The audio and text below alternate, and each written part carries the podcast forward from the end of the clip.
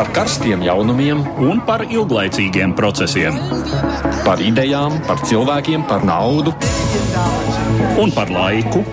Par abām mūsu planētas puslodēm, un lietojot abas smadzeņu puslodes.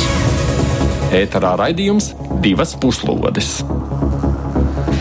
Ir ceturtdiena un klāt raidījums divas puslodes studijā Eduards Liniņš un Mārija Ansona mūsu uzmanības lokā notikumu pasaulē. Pirms trim gadiem Eiropa pāris gadu laikā Eiropas Savienības valstīs ieplūda vairāk nekā miljons cilvēku. Dalību valstis šo gadu laikā ir vienojušās par dažādiem pasākumiem, lai ierobežotu nekontrolētu bēgļu plūsmu, un tā patiešām ir lielā mērā noble, nobremzēta. Tomēr migrantu jautājums joprojām ir ļoti sāsināts. Daudz vietā Eiropā pie varas ir nākuši politiskie spēki, kas īsteno striktu pret migrācijas politiku. Bēgļi un migrācija Eiropā, par ko ir karstākie strīdi un kādi nepieciešamie risinājumi. Tas būs mūsu raidījuma lielais temats. Trumpa un Putina tikšanās ir notikusi. Mēs to gaidījām ar zināmām bažām, zinot ASV prezidenta Donalda Trumpa spēju pārsteigt pasauli un arī Krievijas pēdējos gados piekopto visai agresīvo un nepiekāpīgo ārpolitiku. Kādi ir secinājumi pēc šīs tikšanās Helsinkos un arī ko šī tikšanās nozīmē Krievijai? Par to runāsim raidījuma laikā. Trīs Baltijas valstis šogad saņēmušas prestižo Vestfālenes miera balvu par ieguldījumu reģiona mierīgā un demokrātiskā attīstībā. Šī balva dibināta pirms 20 gadiem, to pasniedz reizi divos gados par īpašiem nopelniem miera stiprināšanā Eiropā un pasaulē. Ko Latvijai nozīmē Vestfālenes miera prēmijas saņemšana, par to runāsim raidījuma noslēgumā. Bet mūsu jautājums Twitterī šodien ir, kā Latvija var palīdzēt risināt Eiropas Savienības migrantu problēmas. Atbilžu varianti ir šādi uzņemot bēgļus, finansiāli vai arī ar padomu. Jautājumu un atbilžu variantus varat redzēt Latvijas radio viens Twitter kontā. Un studijā kopā ar mums ir Latvijas Universitātes asociētais profesors Daunis Alvers. Labdien! Labdien! Un providus vadošā pētniece migrācijas un integrācijas jomā Agnese Lāce. Labdien! Bet sākam raidījumu ar dažām ziņām īsumā. Eiropas Savienība un Japāna otrdien parakstīja brīvās tirzniecības līgumu, kas atceļ 99% muitas tarifu, kur Eiropas Savienības un Japāņu uzņēmumiem ik gadu izmaksāja gandrīz miljārdu eiro. Eiropas komisija norādījusi, ka šis ir plašākais brīvās tirzniecības līgums, kādu bloks līdz šim ir noslēdzis, un tas aptvers gandrīz 600 miljonus cilvēku, kuri rada trešdaļu no pasaules koprodukta. Eiropas Savienības un Japānas savstarpējās tirzniecības kopapjoms ir 86 miljārdi eiro gadā.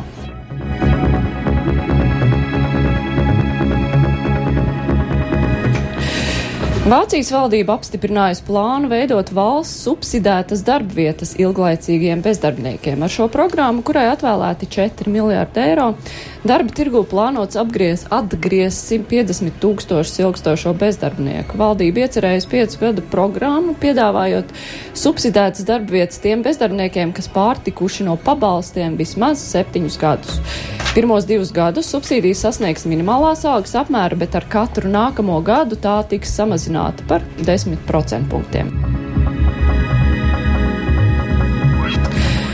Šodien beidzas divus gadus ilgais ārkārtas stāvoklis, kas Turcijā tika izsludināts pēc neveiksmīgā militārā apvērsuma mēģinājuma. Tomēr valdība jau sagatavojusi stingru pretterorisma likumu, kas stāsies ārkārtas stāvokļu noteikumu vietā. Opozīcija apsūdz valdību ārkārtas stāvokļu normu faktiskā pastiprināšanā, nevis to atcelšanā. Tomēr sagaidāms, ka likums tiks pieņemts bez nopietnas pretestības, jo jūnijā notikušajās vēlēšanās prezidenta Reģepa Taipa Erdogana vadītā taisnīguma un attīstības partija partija kopā ar saviem sabiedrotiem izcīnīja absolūto vairākumu. Oficiālajai Brexit atbalstītāju kampaņas organizācijai Vote Leave uzlikta soda nauda par finansējumu noteikumu pārkāpšanu. Šī lieta nodota vēl tālākai izmeklēšanai. Konstatēts, ka Vote Leave at, oficiāli atļauto maksimālo tēriņu summu, kas noteikti 7 miljonu mārciņu apmērā pirms 16. gada notikušās referendumu kampaņas, pārsniegusi par gandrīz pusmiljonu. Organizācija ir iesniegusi nepilnīgu un neprecīzu izdevumu atskaiti, kā arī nav iesniegusi čekus par atsevišķiem saviem izdevumiem.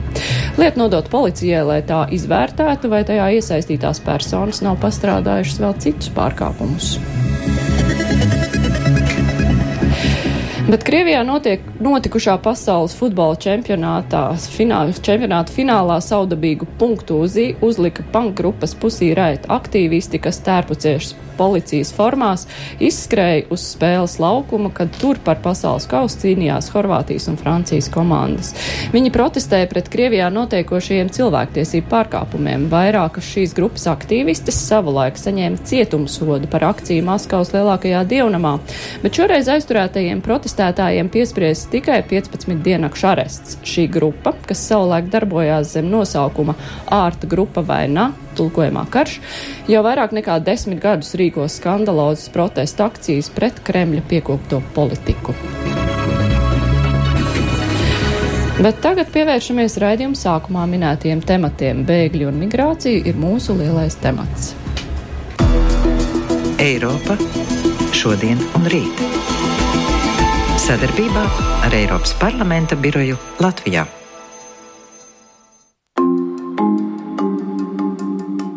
Pirms dažām nedēļām publiskotais ANO bēgļu aģentūras ikgadējais ziņojums atklāja satraucošu ainu. Pārskata gadā sasniegts jauns pārvietoto personu skaita rekords kopš otrā pasaules kara beigām.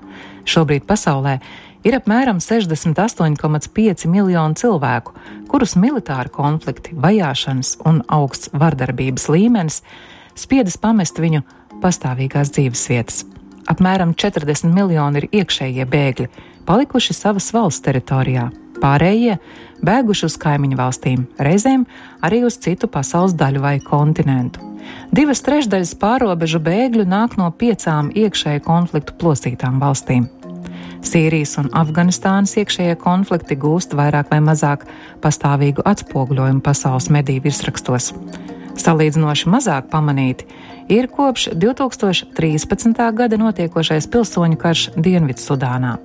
Mjānmas režīma īstenotā rohinģu musulmaņu minoritātes vajāšanu ar genocīdu pazīmēm, un jau kopš pagājušā gadsimta 80. gadiem ilgstošais, šobrīd gan pierimušais pilsoņu karš Somālijā.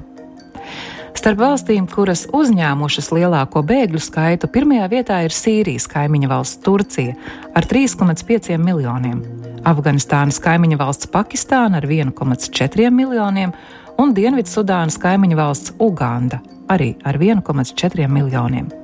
Tāpat pa nepilnam miljonam bēgļu uzņēmušas Libāna, Irāna, Bangladeša, Sudāna un vienīgā no Eiropas valstīm šai sarakstā - Vācija. Vērtējot uzņemto bēgļu skaitu proporcionāli valsts iedzīvotāju skaitam, tas vislielākais ir Sīrijas kaimiņu valstīs Libānā, Jordānijā un Turcijā. Katrs septītais Libāns un katrs 14. Jordānijas iedzīvotājs šobrīd ir bēglis, un tas neskaitot šais valstīs jau tejus 70 gadus dzīvojošos palestīniešus, kuri par bēgļiem gan uzskatām visai nosacīti. Ja bēgļu skaitā iekļauj arī šīs kopienas, tad katrs trešais Jordānijas un katrs ceturtais Libānas iedzīvotājs saucams par bēgli. Bēgļu straumi, kas pārpludināja Eiropu 2015. gadā, šobrīd lielā mērā ir izdevies apturēt. Tomēr šobrīd Eiropas Savienība piedzīvo šīs krīzes izraisītu spēcīgu politisko viļņošanos, un attiecīgi intensīvi meklē risinājumus Savienībā jau nonākušo bēgļu situācijai un līdzīgu risku novēršanai nākotnē. Bēgļu jautājumu ēnā noritēja pēdējā Eiropadomas tikšanās jūnija beigās, kuru sākotnēji bija plānots veltīt pamatā Brexita problemātikai. Kā izteikusies Vācijas kanclere Angela Merkele, Eiropas Savienības nākotne būs atkarīga no tās spējas risināt vitālos jautājumus, kurus izvirza migrācija. Izteikuma aktualitāti politiskais saturs nepārprotami saistās ar dalībnieku operatīvu un koordinētu rīcību līdzīgās krīzes situācijās, taču tam fonā bija daudz dziļāki un sarežģītāki jautājumi par Eiropas sabiedrību humanisma un racionalitātes potenciālu. Šobrīd viss liecina par to, ka Eiropas Savienības valstis darīs visu, lai šo potenciālu bēgļu sakarā varētu apliecināt ārpus Savienības robežām.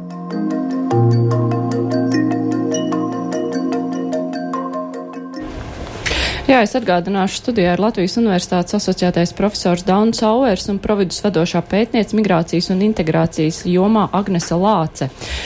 15. un 16. gads bija tāds bēgļu problēmas pīķa laiks Eiropas Savienībā. Uh, tajā laikā, nu, pāris gadu laikā ieradās uh, vairāk nekā miljons cilvēku Eiropas Savienībā. Vai šobrīd bēgļu plūsmās ir kaut kas mainījies būtisks, Agnes?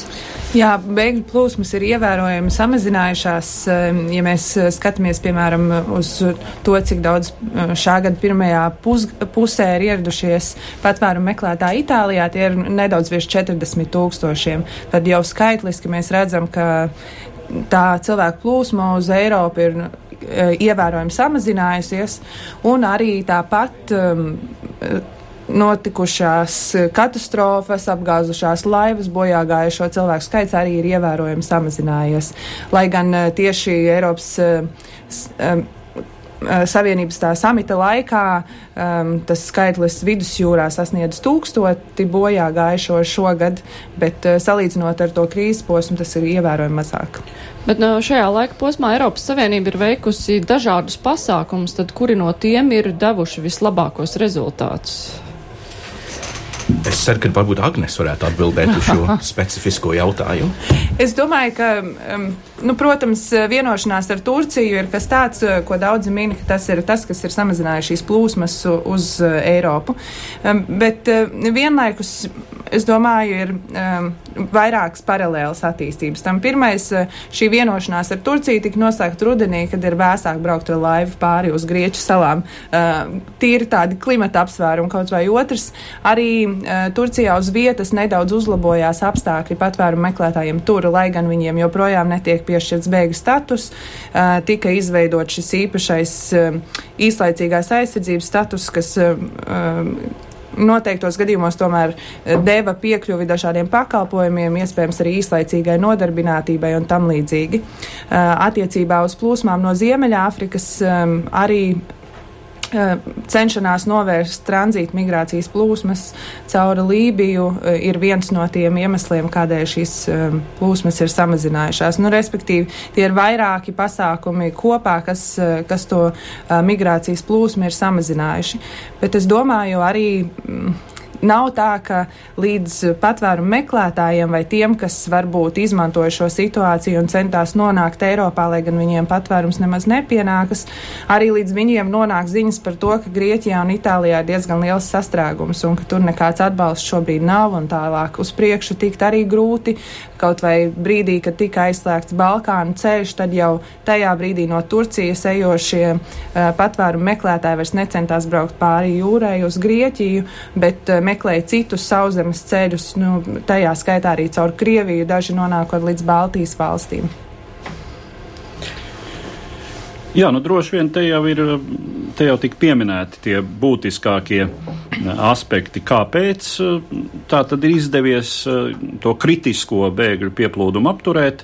Vienošanās ar Turciju gan tiek dažos aspektos kritizēta, ka tā nav īsti tāda teiksim, tādas kvalitātes no cilvēku tiesību, no humānisma galu galā viedokļa, kādu vajadzētu slēgt Eiropas Savienībai. Bet es teiktu, ka tas ir ļoti zīmīgi un tas, manuprāt, iezīmē to politiku, kāda, balstoties Eiropas sabiedrību politiskajā pieprasījumā, tiks Eiropā īstenota. Šo problēmu Eiropas Savienība mēģinās aizbīdīt ārpus savām ārējām robežām, pēc iespējas, protams, to darot uh, humāni, pēc iespējas sekojot visām cilvēktiesību normām, nu tā tad veidojot kaut kādus centrus ārpus Eiropas Savienības, kurās, kuros šie potenciālie ieceļotāji varētu pieteikties, pieteikt savu statusu un tad tur jau izskatīt, vai viņiem ir tiesības iebraukt vai nē, bet paralēli, protams, ļoti aktīvi stiprinot robežu apsardzību, cenšoties novērst pašu šo migrēšanas, migrēšanas darbību kā tādu. Bet, Eduard, tu jau pieminēji, ka Eiropas Savienība tiek kritizēta, ka šie lēmumi nevienmēr atbilst tās pašas standartiem, bet gal galā, ja šī problēma ir tik smaga, vai Eiropas Savienībai nevajadzēs tomēr atkāpties no saviem augstajiem cilvēktiesību, no demokrātijas standartiem, vienkārši nobīdot šo problēmu kaut kur tur, kur mēs to neredzam, jo mēs to nevaram atrisināt tur, tā kā mēs to būtu risinājuši šeit uz vietas. Vienošanās ar Turciju jau bija atkāpšanās no šiem principiem. Tādēļ, ka ja bija tik daudz ziņojumu no dažādām starptautiskām organizācijām par to, kāda ir izturēšanās pret patvērumu meklētājiem, tajā skaitā tiem, kas tika nosūtīti atpakaļ no Grieķijas uz Turciju, nevar piekļūt juridiskai palīdzībai, ļoti um, necilvēcīgi dzīves apstākļi šajos um, īslaicīgās aizturēšanas centros un, un tam līdzīgi. Bet es domāju, slēdzot vienošanās ar nedemokrātiskām kaimiņu valstīm, kas, noteiksim, nu, uh, objektīvi būs tās, ar kurām būs jāsadarbojas, lai šo migrācijas plūsmu uz Eiropu mazinātu, ir uh, dažādi veidi, kā to risināt, respektīvi. Uh, lūgt, nezinu, atļauju, ka Eiropas Savienība pati administrē šos centrus šajās valstīs, ka mēs kā vairāk cenšamies kontrolēt, kā pieteikumu izskatīšana reāli notiek. Tā, tā tas jau šobrīd tiek darīts ar ANO bēgļu aģentūras vai starptautiskās migrācijas organizācijas palīdzību iepriekš vairāk tādās konfliktu zonās. Bet cik veiksmīgi tāda sadarbība var būt ar nedemokrātiskām valstīm, es nezinu. Jā, bet eh, tā Eiropas izšķiršanās ir, eh, nu, teiksim tā, krietni. Krietni smagāka nekā tas uh, varbūt, nekā varbūt par to pat kāds gribētu runāt, jo tā problēma ir tāda, ka bailes, tās fobijas, kuras ir izraisījušas šī bēgļu plūsma, ir radījušas Eiropas Savienībā pretreakciju, kas arī draud ar demokrātisko vērtību uh, noliegumu lielā mērā. Tātad pie varas nāk partijas demokrātiskā ceļā, kuras savu elektorāta bāzi, savu politisko programmu būvē lielā mērā uz šo antimigrācijas politiku, atbild, adresē tās sava elektorāta bailes no šiem cilvēkiem, kas nekontrolēti šeit ieplūst. Bailes, kas ir lielā mērā saprotamas, un ir bijušas vienmēr, kad kaut kas līdzīgs notiek pasaulē. Es domāju, ka mazliet atkāpjoties vēsturē, līdzīgas bailes vai nepatika bija arī pret mūsu tautiešiem, kad 40. gadu vidū tie nonāca Vācijā ļoti lielā skaitā, un tur vietējiem bija kaut kā ar viņiem jā, jāsadzīvo un, un, un jāveido šī līdzās pastāvēšana. Eh, tā tad, eh, baidoties no tā, ko šīs problēmas var iekšēji radīt pašai Eiropai. Nu, acīm redzot, tomēr tā izšķiršanās ir, ka labāk to pabīdīt nost no vidusmēra Eiropieša acīm, uh, nu, labākajā gadījumā vienkārši šķiroties no tādas vai citādas naudas summas. Ja to var atrisināt ar naudu, un ziniet, tā tas ir gandrīz vienmēr. Ja kaut ko var atrisināt ar naudu, tad tas tā ir jādara. Tas jo visi citi tieši tā. tieši tā, jā. Nu, ja, jā. Var par, ja var samaksāt, teiksim, par, par šo bēgļu uzturēšanos kaut kur ārpus Eiropas, uh, un uh, iespējams arī uh, tā vai citādi mēģinot, tur, kur tas ir iespējams, stabilizēt pašas šīs konfliktu zonas. Iespējams, tas, tas arī ir un ko Eiropas Savienība un arī apvienotās nācijas zināmā mērā dara. Nu, tā pašā Āfrikas, ekvatoriālās Āfrikas daļā, kur ir vairākas Eiropas misijas, kas mēģina šajās des, destabilizētajās valstīs, kur ir iekšējie konflikti, to situāciju uh, iespēju robežās stabilizēt. Nu jā, bet uh, ja mēs runājam par cilvēkiem, kuri jau ir ieradušies Eiropas Savienībā, mēs zinām, ka Vācijā ir apmēram puse no Eh, bēgļiem, kurus eh, tā gribētu izraidīt, tā nemaz nevar atrast. Eh, nevar tik klāt. Tas nozīmē, ka nav īsti skaidrs, kur šie cilvēki atrodas, vai viņi atrodas kaut kur darba tirgu vēl mazāka cerība. Ko tas, ir, ko tas nozīmē Eiropai tīri ekonomiski, šo cilvēku jau atrašanās šeit? Nu. Ekonomiski tas visticamāk neko sliktu jau nenozīmē, jo um, viena daļa šo cilvēku būs iesaistījušies darba tirgu, nelegālā darba tirgu, bet vēl vien viņi būs ekonomiski aktīvi, viņi pelnīs naudu, viņi tērēs to naudu un tādā veidā uh, attīstīs ekonomiku.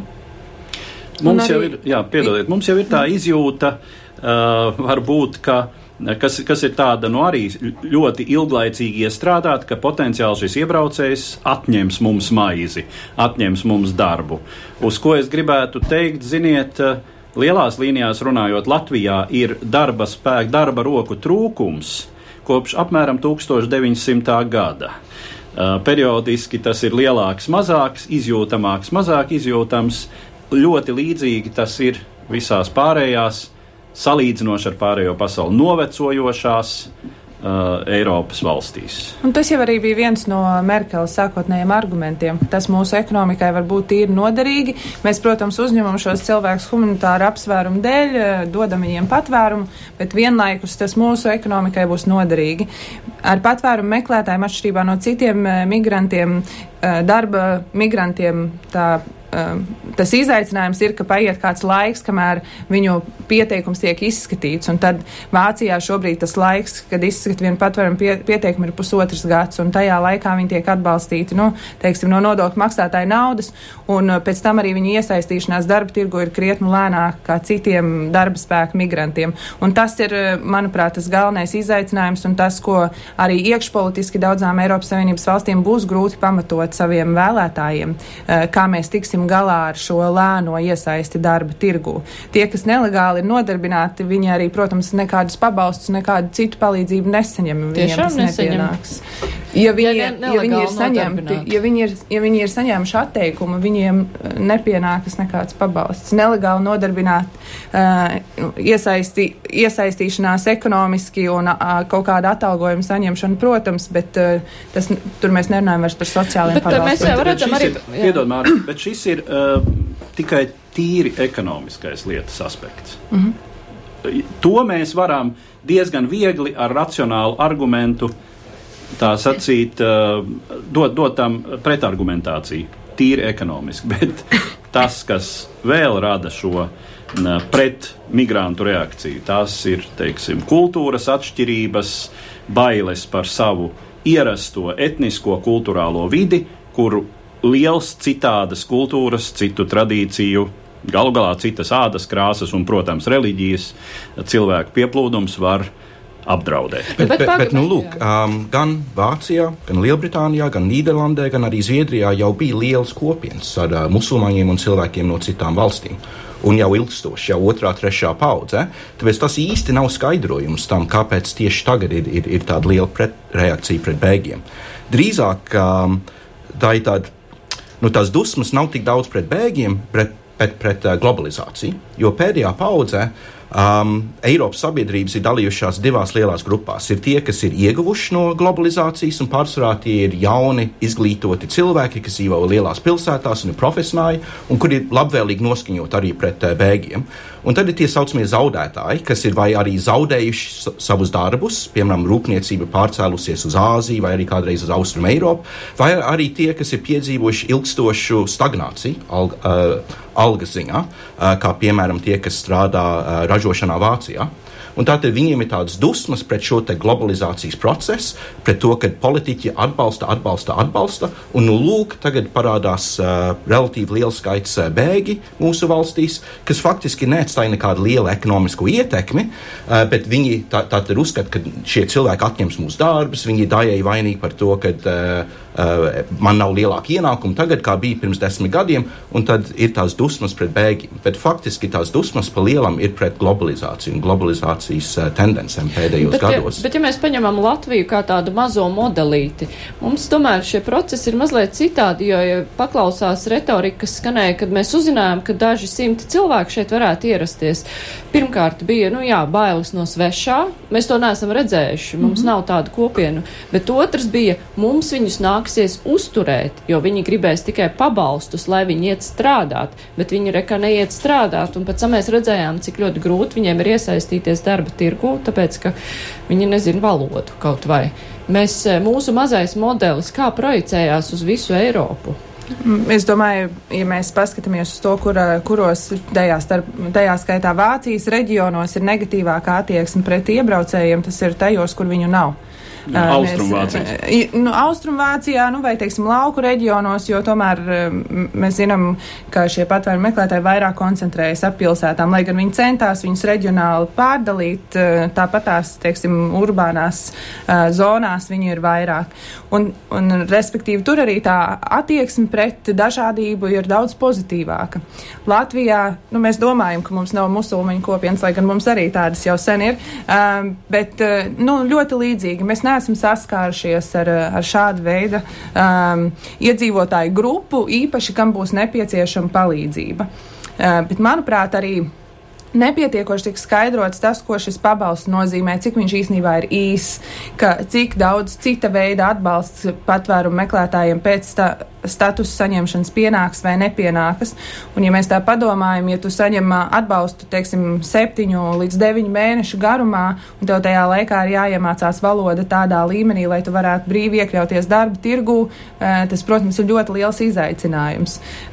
Integrācija ir bišķiņi ilgtermiņa process, un tas bija uzdevums mūsu politiķiem skaidrot šo sabiedrībai, kāpēc tas atbalsts sākumā ir nepieciešams intensīvāks. Um, Arī citās Eiropas Savienības valstīs tā diskusija bija vairāk par solidaritāti Eiropas līmenī un par mūsu morālām vērtībām un mazāk runas par to, ko mēs ar šiem cilvēkiem reāli darīsim. Un integrācija darba tirgu mūsdienās ir daudz sarežģītākā, kā bija pirms divām vai trijām paudzēm. Tātad Eiropā 50. un 60. gados, kad parādās pirmie migrantu un, un, un bēgļu plūsmi, tad darba vietas pamatā bija ražošana, un tur jau nebija vajadzīgas kaut kādas dižas valodas zināšanas. Bet mūsdienās, modernā ekonomikā, vismaz 3,4 daļa darba vietas ir pakalpojumu sfērā, un, un tad ir vajadzīgas faktiski tekošas valodas zināšanas. Tad tā integrācija darba tirgu ir daudz sarežģītāka, un valdībai būtu jāstrādā daudz intensīvāk ar uh, migrantiem. Bet, ja mēs mēģinām iezīmēt kaut kādus nākotnes scenārijus, nu šeit jau parādījās, ka Eiropas Savienībai nu nāksies to problēmu nobīdīt prom no savām acīm, kaut vai lai turētu stabilāku savu situāciju dalību valstīs. Bet eh, kādas tās plūsmas eh, bēgļu tad notiks nākotnē un no kurienes uz kurien jau viena lieta ir li vietas, kur notiek karš? Kur var mēģināt eh, nu, ar lielākiem, mazākiem panākumiem stab, palīdzēt stabilizēt situāciju, bet ir vienkārši nabadzīgi reģioni, kur arī cilvēki tomēr staigā no vienas. Jā, nu, eh, jāsaka gan, ka tomēr vērojot to uh, migrācijas plūsmu, nu lielākoties tikai nabadzība reti kad ir iemesls, vai nu faktiski tikpat kā nekad tādām grandiozām, lielām bēgļu plūsmām, kas var izraisīt krīzi tuvākās vai tālākās uh, valstīs. Uh, bet, nu jā, nu ir, ir teiksim, uh, šobrīd, piemēram, nu, no Venecuēlas. Uh, ir pamanāmāks, lielāks cilvēku skaits, kurš mēģina nokļūt uh, Meksikā un potenciāli tālāk Savienotajās valstīs, vienkārši tāpēc, ka tur valdošais režīms ir novedis šo valsti totālā nabadzībā. Droši vien, ja uh, kaut kādas izmaiņas notiktu Ziemeļkorejā, tad no turienes būtu uh, ļoti spēcīga plūsma. Nu, pirmkārt, droši vien uz Korejas dienvidu daļu. Uh, nu, kā, mēs, kā mēs to vērojam arī mūsu sabiedrībā joprojām, kur es teiktu, ka tomēr tā imigrācija no Latvijas. Uh, Tā emigrācija no Latvijas pēdējās desmitgadēs ir ne tikai tāpēc, ka salīdzinoši mums ir zemes dzīves līmenis, bet tāpēc, ka tā ir bijusi noliekta iespēja pirms tam pusgadsimtu. Uh, mēs dzīvojām aiz dzelzceļa priekškara un vispār nevarējām nokļūt tur, kur tagad var nokļūt salīdzinoši vienkārši. Tā izskaitā tur padzīvot. Uh, tā kā, bet droši vien, ka, nu jā, tā globāli runājot, Āfrika būs tas galvenais galvenais migrācijas resurss pārējai pasaulē, ne tikai tāpēc, ka salīdzinoši tur ir daudz nestabilu teritoriju politiski, militāru sīku iekšēju militāru konfliktu, salīdzinoši liela nabadzība, bet arī šobrīd salīdzinoši ļoti augsts dzimstības līmenis pret visu pārējo pasauli. Bet, ja mēs paskatāmies uz Ķīnu un Krieviju, Ķīnai Jā, Ķīnā ir ļoti daudz iedzīvotāju, un viņiem ir nepieciešama teritorija. Blakus ir milzīga valsts ar salīdzinoši maz iedzīvotājiem, un tāpēc arī tiek iznomātas zemes ķīniešiem uz gadu desmitiem. Jautājums, vai viņi paliks tur pēc tam arī, vai tā ir sava veida iedzīvotāja migrācija? Nu, nu, es domāju, ka tas nebūs izaicinājums, jo tā tendence, protams, ir, to, ir uz to, ka cilvēki pārvietojas uz pilsētām. Uh, Un, ja mēs atceramies to, ka uh, Rīgas aglomerācijā dzīvo 1,2 miljonu cilvēku šobrīd, un līdzīgā teritorijā pie Hongkong, Shenzhen, Guangzhou, kas pēc kvadrātkilometriem ir identisks, tur dzīvo 120 miljoni cilvēku, nu tad Ķīnai faktiski nav vajadzīga tās, tās, tās lielās teritorijas. Tur aug šīs milz, milzīgās pilsētas, masveidā cilvēki pārvācās no laukiem uz pilsētām. Un, teiksim, tas paradigms, kad ir vajadzīga zeme, uh, kad ir vajadzīga teritorija, nu, tas, tas, tas īsti neiztur kritiku. Nu, nākotnē nebūs tādas vajadzības. Un arī skatoties no Eiropas perspektīvas, jau šobrīd vairāk migrācija notiek, respektīvi, attiecīgā kontinenta ietveros no vienas Āfrikas valsts uz citu, no vienas Āzijas valsts uz citu. Um, attiecībā uz patvērumu meklētāju plūsmām tas, ko mēs varam nedaudz paredzēt, ir klimata rezultātā, klimata pārmaiņu rezultātā uh, iespējams. Uh, plūsmas, kas radīsies. Par konfliktiem, nu, mēs, protams, to nekad nevaram paredzēt, lai gan mēs varējām daudz labāk reaģēt uz Sīrijas situāciju, jo cilvēki no turienes sāka doties prom jau 2011. gadā, līdz Eiropai viņi nonāca 15. un mēs nebijām gatavi, lai gan to, es domāju, varēja paredzēt. Protams, attiecībā uz citiem konfliktiem mēs nevarēsim to paredzēt, bet uh, par cita veida migrāciju tas, kā mēs varam lietas paredzēt, ir radīt pēc iespējas vairāk visaptverošāku migrācijas regulējumu, jo, jo vairāk ir legāls iespējas migrēt, jo vieglāk mums to kontrolēt un vieglāk novirzīt tajā virzienā, kur tas katrai valstī ir nepieciešams. Tādā veidā Eiropai arī spējot reaģēt uz uh, demografiskajiem izaicinājumiem. Jā, bet viens aspekts, ko mēs nepaspējām pieminēt, ir uh, migrācijas uh, saistība ar drošības jautājumiem. Vai šobrīd ir tā, ka Eiropa, īpaši Rietuma Eiropa, terorismu, kas ir saistīts ar migrāciju, uzskata par lielāku draudu nekā, piemēram, Krievija? Nu, es domāju, ka, ja mēs runājam par Eiropas lēmumu pieņēmējiem, gan Eiropas Savienības, gan dalību valstu līmenī, tad uh, Uh, visdrīzāk, ka nē, uh, visdrīzāk tiek novērtēts adekvāti, protams, šo divu drošības apdraudējumu proporcionālais salīdzinājums. Lai gan tie abi kvalitatīvi ļoti atšķirās. Tur ir vieni, vieni riski vai, vai teiksim, vieni apdraudējuma faktori ir vienā gadījumā un kaut kas stipri atšķirīgs citā. Uh, nu, teiksim tā, vienā gadījumā, uh, vienā gadījumā tas, tas, ir, tas ir viens, viens liels un bīstams lācis un drusku neprognozējams un viegli aizkaitināms, un otrā gadījumā uh, Eh, nu, varētu teikt, eh, tāda maza indīga čūska, kas jums var iedzelt, ja jūs nepamanāt saulēcīgi, ja? Eh, lietojot tādas animālas metaforas. Bet, protams, ka, teiksim, sabiedrībām Tur gan nu, mēs varam visai izteikti, to jau, to jau mēs vērojam pastāvīgi, ka cilvēkam kaut kur Francijā, Nīderlandē, Beļģijā, Itālijā, protams, vai Grieķijā, uh, Eh, potenciālais apdraudējums no tā, kādi cilvēki šeit var ienākt kopā ar šo uh, bēgļu plūsmu, sevišķi, ja tā ir slikti kontrolēta, šķiet krietni lielāks nekā. Uh, kad viņam saka, ka Krievija apdraud drošības situāciju Eiropas ziemeļaustrumos, Baltijas reģionā.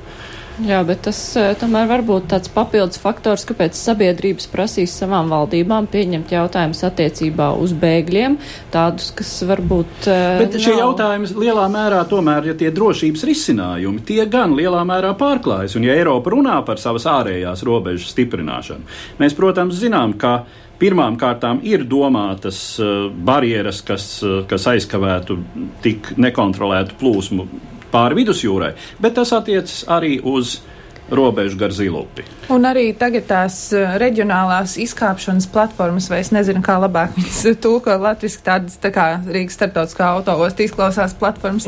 um, jā, uh, tās attīsta um, koordinēti, racionāli un patiešām um, padara tās par vietām, kur cilvēki var pieprasīt patvērumu vai īstenībā arī citādi pieteikties migrācijai, uh, imigrācijai Eiropas Savienībā, uh, tad, protams, to dalībvalstīm būs daudz vieglāk pamatot saviem iedzīvotājiem. Mēs esam veikuši šīs drošības pārbaudas pirms cilvēki ierodas Eiropā. Tāpēc, uh, teiksim, tā ideja pati par sevi šīm platformām nav slikta, bet ir ļoti svarīgi uzņemties kontroli pār šo procesu un patiešām nodrošināt pilnvērtīgu pieprasījumu izskatīšanu. Un šeit mēs arī varētu runāt par mēdīju atbildību, jo, protams, tad, kad parādās kaut kāds teroristu gadījums kaut kur Eiropā, tad mēdīji par to daudz raksta, analizē Un, protams, arī cilvēkiem ir interese par to, ja tas ir kaut kas dramatisks, kaut kas ārpus uh, ikdienas. Bet mums jāatcerās faktu, ka šobrīd teroristu riski Eiropā ir krietni zemāk kā bija pirms 30 gadiem, pirms 40 gadiem, pirms 50 gadiem. Mēs dzīvojam drošākā kontinentā tagad, kā pēdējos 50 gados, un mums to būtu jāatcerās. Jā, jo mums nav šobrīd Eiropā iekšēji par laimi vairs neviena tāda konflikta, kas radītu šādu teroristisku darbību, kā tas bija pirms 50 un pat vēl 40 gadiem - Ziemeļīrijas konflikts, Basku uh, nacionālās emancipācijas cīņa Spānijā. Uh, politiskais, jā, politiskais terorisms Vācijā un Itālijā, labēji ekstrēms, kreisi ekstrēms. Jā, un noslēdzot sarunu par migrāciju, es eh, pateikšu, kā mūsu klausītāji ir Twitterī balsojuši atbildot jautājumu, kā Latvijai iesaistīties Eiropas Savienības bēgļu problēmu risināšanā. 39% uzskata, ka uzņemot bēgļus, 8% domā, ka to vajag darīt finansiāli, bet 53% ir gatavi dalīties ar padomu.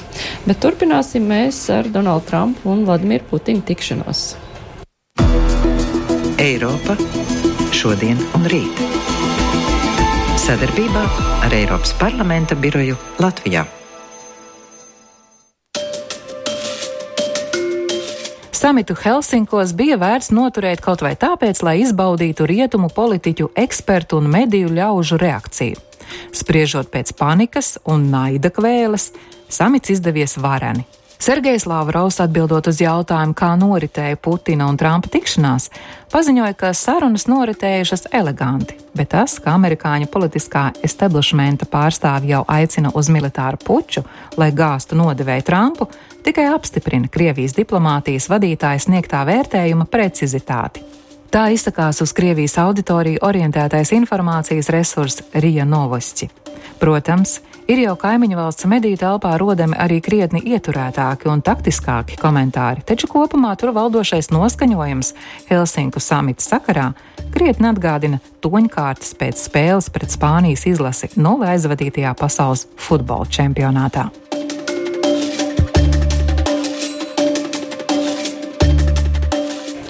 Dažādas versijas par to, kas tad īsti tika runāts aiz eh, slēgtajām durvīm eh, Putina un Trumpa tikšanās laikā. Nu, ir viss kaut kas izskanējis, bet pārsvarā tas iedoks ir tāds, nu, mēs to redzēsim pēc zinām laika, kad uh, darbi liecinās par šīs sarunas patieso saturu. Vai varbūt tā, ka nekāda darba ne par ko neliecina un vienkārši nekas nenotiek? Viss ir kā bija. Es ļoti šaubos, kad uh, Donalds Trumps aci pret aci ar uh, ar uh, prezidentu Putinu bija daudz sakarīgāks, kā viņš ir ikdienās. ikdienā. Ir grūti ticēt, ka viņš kaut kā sarāvās, fokusējās, un tad viņiem bija ļoti kvalitatīva divpusēja saruna. Es iedomājos, ka tā saruna bija apmēram tāda, kā ir uh, Trumpam ikdienā. Uh, kad žurnālists uzdod viņam jautājumu, un tad viņš atbild par kaut ko, kas kādreiz ir saistīts ar uzdoto jautājumu, kādreiz nē, un tad sāk runāt par sevi uz kādu laiciņu. Tātad es domāju, ka mums tiešām nebūtu jābaidās, ka kaut kas tāds slepens ir tur sarunāts. Nu, es, nav nav ne, Molotova Ribbentropa pakts. Nu, es vienkārši neticu, ka uh, Trumps ir spējīgs viens pats fokusēties un pieņemt šāda veida teiksim, te, teiksim, lēmumu. Bet kāpēc Putins bija tik apmierināts? Es domāju, ka Putins bija apmierināts jau pirms samita, uh, ka vispār mm -hmm. tas notiek, un tas jau arī nebija nekāds noslēpums ne pasaules medijiem, ne, ne medijiem, ne, ne politiskajām aprindām, uh, ka, protams, Krievijai tas ir zināms. Uh, diplomātiskās blokādes, nu, ļoti nozīmīgs diplomātiskās blokādes pārrāvums. Krievija joprojām ir lielā mērā neskarams sarunbiedrs um, pasaules politiskajā telpā. Nu, tas, ka šādu tikšanos izdevās norganizēt, droši vien lielā mērā pateicoties prezidenta Trumpa arī personiskajam Uh, personiskajam raksturam un pieejā, pieejām lietu kārtošanai. Uh, par to, protams, Putins un vispārējā Krievija ir ļoti priecīgi un viņi uztur, protams, šo toņkārtu. Uh, un, ja jau mēs runājam par Krievijas medijiem, te, protams, ir jāatceras tas, ka tie um, ļoti. Uh, nu, tā, ļoti cenšas uzturēt arī sabiedrībā šo Krievijas valdības tēlu, kas ir uh, nu, tā, veči, kuri prot sarunāties.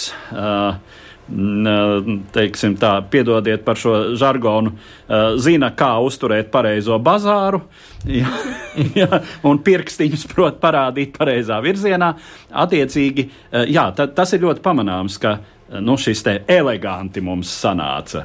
Uh, viņš saprata, uh, piedodiet, atkal žargonā, pacani sapratās savā Jā. starpā, uh, izrunājās. Ja? Razabраļīs. nu, tīri uzmetot aci no Krievu mēdījiem, tieši es nu, ikdienā īstenībā nesakoju, bet pirms nācu šeit, domāju, nu es palasīšu, ko viņi tad rakstīja par šo tikšanos. Un tad pirmais, nu viņi, protams, tur uh, pasaka, kā rietumos visi sauc uh, Trumpu par nodevēju, un uh, nu kāpēc tad tā, jo tikšanās, kā Lavros teica, bija super. Un, eh, un tad eh, pēc tam īstenībā diezgan daudz runāja par citiem tematiem, kas tajā preses konferencē, kuru es domāju, mēs visi esam redzējuši, kas tur pat neparādījās. Tur par bēgļu eh, plūsmu, plūsmas situācijas risināšanu Sīrijas sakarā tajā skaitā. Un tas man šķita diezgan pārsteidzoši, ka viņi diezgan ātri pār, pārmetās uz tiem tematiem, par ko tad viņi runāja, nevis par to faktisko uzvedību, kas ir tas, kas, lielā, kas mūsu uzmanības lokā nonāca. Jā, kā to uzsver ar Krievijā mēs varam paklausīties sarunu ar Krievijas politologu Aleksēju Malašenko. Вы знаете, я думаю, что в этом отношении есть две России. Ziniet, šai ziņā ir divas Krievijas. Propagandas Krievija, kas ir televizorā, un viss pārējais.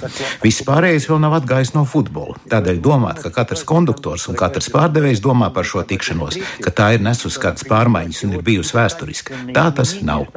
Vairākums šīs lietas uztver kā augstākā laikos. Nu, ir divas lielvalstis, kas ir parunājušās, bet tālāk tad ko? Man vispār šķiet, ka nedēļas beigās par šo tikšanos pie mums vairs nerunā runās. Mums te ir pensija reforma dienas kārtībā, propaganda. Jā, tā runās, bet arī propaganda mums te ir mazliet apjukusi, bet tas jau ir cits jautājums.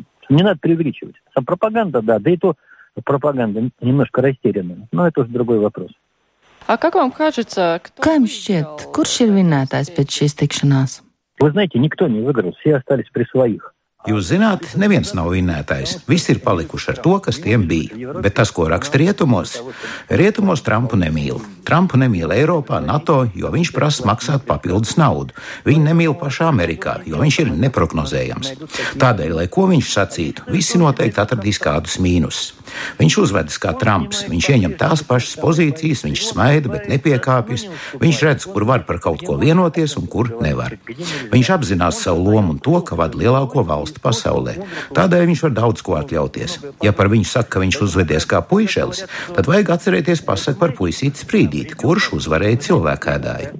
Сказка, там мальчик с пальчик, там, который победил людоеда. Vai Krievijā notiek mēģinājums saprast, ko viņi tur runāja aci pret aci? Jo viena lieta, kas pēc tam tiek iznesta preses konferencē, cita, kas tika pa īstam sarunāts. По поводу вмешательства России в эти выборы несчастные по поводу сговора. Ja runā par Krievijas iejaukšanos ASV vēlēšanās, tad viņiem tāpat ir vienota pozīcija. Viņiem nevajag to atcerēties. Viņiem no šī jautājuma jātiek prom. Katrs to izdarīja pa savām, bet pozīcija viņiem ir vienota. Par sankcijām arī tur netika runāts, jo ir skaidrs, ka tās netiks atceltas, jo tas nav jautājums, ko izlemj Trumps. Ukraina, ziniet, man ir tāda sajūta, ka amerikāņiem Ukraina ir tāla perifērija. Ko preses konferencē ar Terēzu Meiju pateica Trumps? Jā, mēs risināsim, bet tas būs ļoti ilgi. Ļoti ilgi tas nozīmē nekad. Viņa retorika par Krimu ir Ukraina atbalstoša, bet paskatieties uz viņa sejas izteiksmi. Viņam tas ir vienaldzīgi. Tuvie austrumi tas jau ir interesantāk. Es domāju, ka viņi jau iepriekš ir vienojušies, ka galvenā problēma pat nav Sīrija, bet Irāna un drošības garantijas Izrēlai. Bet pats galvenais ir, ka Putina stratēģija nemainīsies. Krievija dzīvo savā cietoksnī, bet visapkārt ir vieni vienīgi ienaidnieki un draudi, tajā skaitā no Amerikas puses. Ja šie ienaidnieki pazudīs, tad radīsies jautājums, ko jūs tur darāt tajā administrācijā attiecībā uz ekonomiku. Kādēļ Krievija ir tik atpalikusi, kādēļ tādas cenas, inflācija, pensiju reforma. Tādēļ šis apdraudējums Putinam ir absolūti nepieciešams. В том или ином виде, больше и меньше, но она ему крайне необходима. Un pēdējais jautājums. Kā jums šķiet, kādēļ Putins nokavēja tikšanos? А это к нему вопрос, понимаете? Вот тут я ничего не могу сказать, но это его манера, он всегда опаздывает. Nu, to es nevaru atbildēt. Tas ir jautājums Putinam. Tā ir viņa maniera nokavēt. Bet būtu es Trumpa vietā, kas, protams, nav iespējams. Ja es būtu ieradies laikā, bet Putins nokavētu, es viņam būtu aizrādījis. Bet kā tur bija, mēs varam tikai minēt. Nu, bet tas ir sīkums что мы же не знаем наверняка, можем только догадываться. Но это мелочь. Komentāri? Jā, nu, Putina leģendārās aizkavēšanās, kuras jau ir saraksts jau sniedzis desmitos, jo te jau ne uz vienu vizīti neierodas laikā, tā skaitā. Kā šajā gadījumā arī šķiet, ka nokavē 50 minūtes. Uh, es gan teiktu, ka mm, tur būtu darbs uh,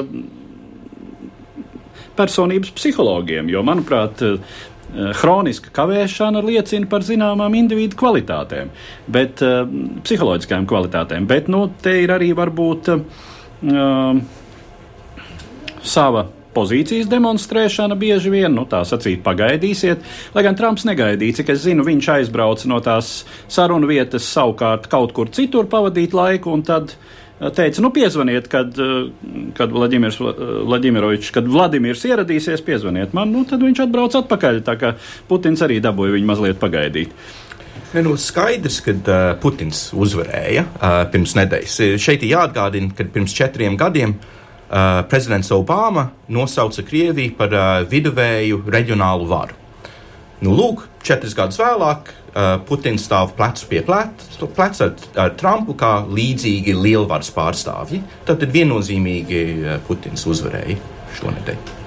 Nu, nosacīti uzvarēja, jā, lai gan, lai gan protams, uh, skatoties tādās vizuālās, vizuālo simbolu līmenī, nu jā, Putinam tomēr nākas uzvilkt kurpes ar krietni augstu papēdi, lai sniegtos Trumpam. Labi, ka tur nebija Dmitrijs Medvedjās. Drusku virs pleca, jā, tas ir vēl par dažiem centimetriem īsāks. Jā. jā, bet runājot par to, ka šī vizīte bija, nu, tādas visai sasteigta, par ko liecina arī, ka nebija īsti skaidrs, par ko tiks runāts, jo parasti šādas lietas vienmēr organizē krietni iepriekš, bet vai tas eh, vien neliecina, ka tā saruna jau arī nav galvenais visā šajā stāstā. Galvenais ir satikties. Un es domāju, tas, ka kāpēc daudziem šādiem samitiem tur ir kaut kāds kopīgs paziņojums vai komunikē vai mm -hmm. kas mhm. tāds, pēc šīs nesakoja nekas, tikai preses konferences, kur viņi pat abi nevarēja pateikt, par ko viņi runāja. Man liekas, arī pašiem varbūt tas nebija līdz galam skaidrs. Uh, nu, tas ir par to, ka tā saruna bija svarīgākais. Eh, bet tas, kas man šķiet interesanti, ir, ka šis samits ir, nu, principā rezultāts tam, ka uh, pēc Trumpa zvana, kad viņš apsveic Putinu ar atkārtotu ievēlēšanu un uzaicināja viņu uz Baltonamu, viņi netiekas uh, Vašingtonā, bet tie, kas kaut kur daudz tuvāk Krievijai, un vizīti uz Vašingtonu, es nezinu, vai vispār ir kaut kādā tuvākā perspektīvā. Tas arī ir vēl viens pierādījums tam, kāda pozīcija, kurai valstī šajā dialogā bija. Jā, tas, ir tēla, tas ir tēla veidošanas pasākums, protams. Jo arī Trumpam ir ļoti svarīgi. Tagad tas ir viņa trends, uh, žargonā sakot. Viņš tiekas ar Ziemeļkorejas totalitāro pabaiso līderi un tiekas ar Putinu. Viņš runā ar monstriem. Sasit durīs ar Erdoganu. Un šeit simbolisms, manuprāt, ļoti svarīgs. Tātad uh, Trumps apmeklē NATO sanāksmi, kur viņš izbrauķē savus kolēģus, tad viņš dodas uz Lielbritāniju, kur viņš vienā preses intervi intervijā izbrauķē Terēzu Meiju, pasaka, ka uh, viņas teju atlaistais ārlietu ministrs būtu labāks premjers, tad dodas uz Skotiju, kur, kur kašķējās ar vietējiem skotiem, un tā aiz, aizlido uz Helsinkiem, kur viņam ir elegantas uh, tikšanās ar uh, prezidentu Putinu. Un ļoti skaidri, man liekas, viņš parādīja, ar ko viņam ir viegli sadarboties un ar ko viņam tā kā īsti nepatīk sadarboties. Jā, bet turpināsim pavisam īsi, bet ar patīkamu tematu Latvijai. Divas puslodes!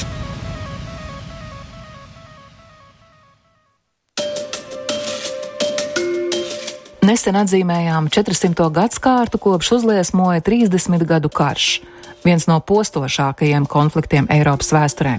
Tā noslēgums bija Vestfālenes miers, pirmā starptautiskā diplomātiskā konferencē izstrādāta vienošanās pēc liela kara.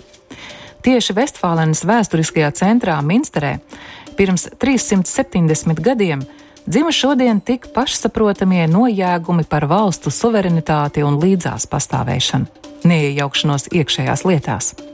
Šo Vestfālenes garu iemieso 1998. gadā pirmo reizi piešķirtā starptautiskā balva, kuras dibinātājs ir nevalstiskā organizācija Vestfālenes un Lipes ekonomiskā asociācija.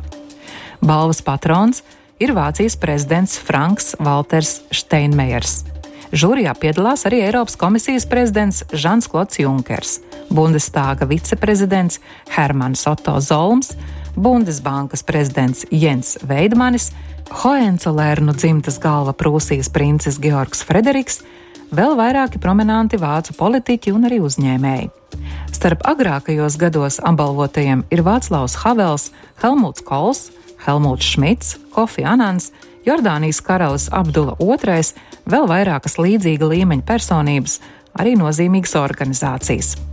Šogad Vestfālenes miera balvu piešķīra trīs Baltijas valstīm, un 14. jūlijā to no prezidenta Steinmēra rokām saņēma prezidenti Daļa Gribauskaite, Kerstīna Kaljulaida un Raimons Vējonis. Šis ir pirmais gadījums, kad balva tiek piešķirta valstīm, un tas darīts atzīmējot mūsu nāciju konsekvento attīstību kopš neatkarības atgūšanas un īpašos centienus integrējoties Eiropā.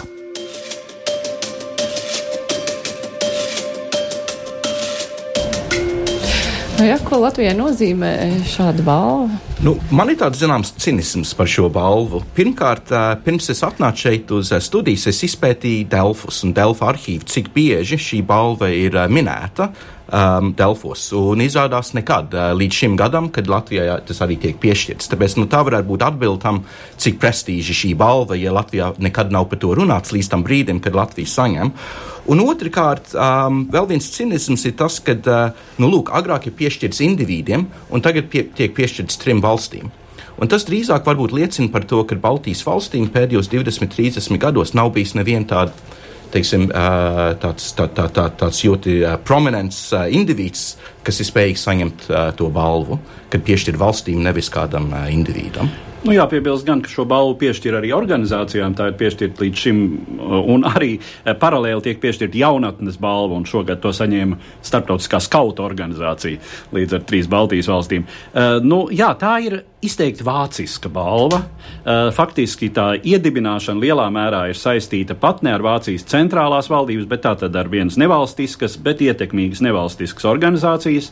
Un tur piedalās uh, divu federālo zemju premjerministri arī tajā žūrijā. Uh, un visa tā izjūta, protams, ir, ka Vācija šādi demonstrē savu attieksmi un savu novērtējumu, un te parādās kaut kas ļoti vācisks un ļoti, pat es teiktu, sens visā tajā, jo, ja mēs citējam attiecīgi šīs Vestfālenes Lipas ekonomiskās asociācijas prezidentu Cinkāna kungu, tad viņš saka, ka esot savā atklātajā pozīcijā Eiropas Savienības ziemeļu priekšpostenī Igaunija, Latvija un Lietuva ir potenciāli ievainojams un tikai ir dabiski novērtēt un pabalstīt šīs valstis un to īpašo ieguldījumu Eiropas integrācijā. Tātad šī izjūta par Baltiju kā Vācijas un Eiropas priekšposteni, uz kā mēs šodien teiktu, Eirāzijas robežas, nu tā izpaužas šī, šī gada uh, attiecīgi Vestfālēnas miera balvas piešķīrumā. Jā, un vismaz tādā Latvijas iedzīvotāji uzzināja, ka ir šāda balva. Es saku paldies. Nākamais raidījums būs pēc nedēļas. Studijā bija Latvijas Universitātes asociētais profesors Daunis Sauvers, providus vadošā pētniece Agnes Lācis. Studijā bija arī es, Mārija Ansona un, protams, Edvards Liniņš. Visu labi, tiekamies pēc nedēļas. Divas puslodes.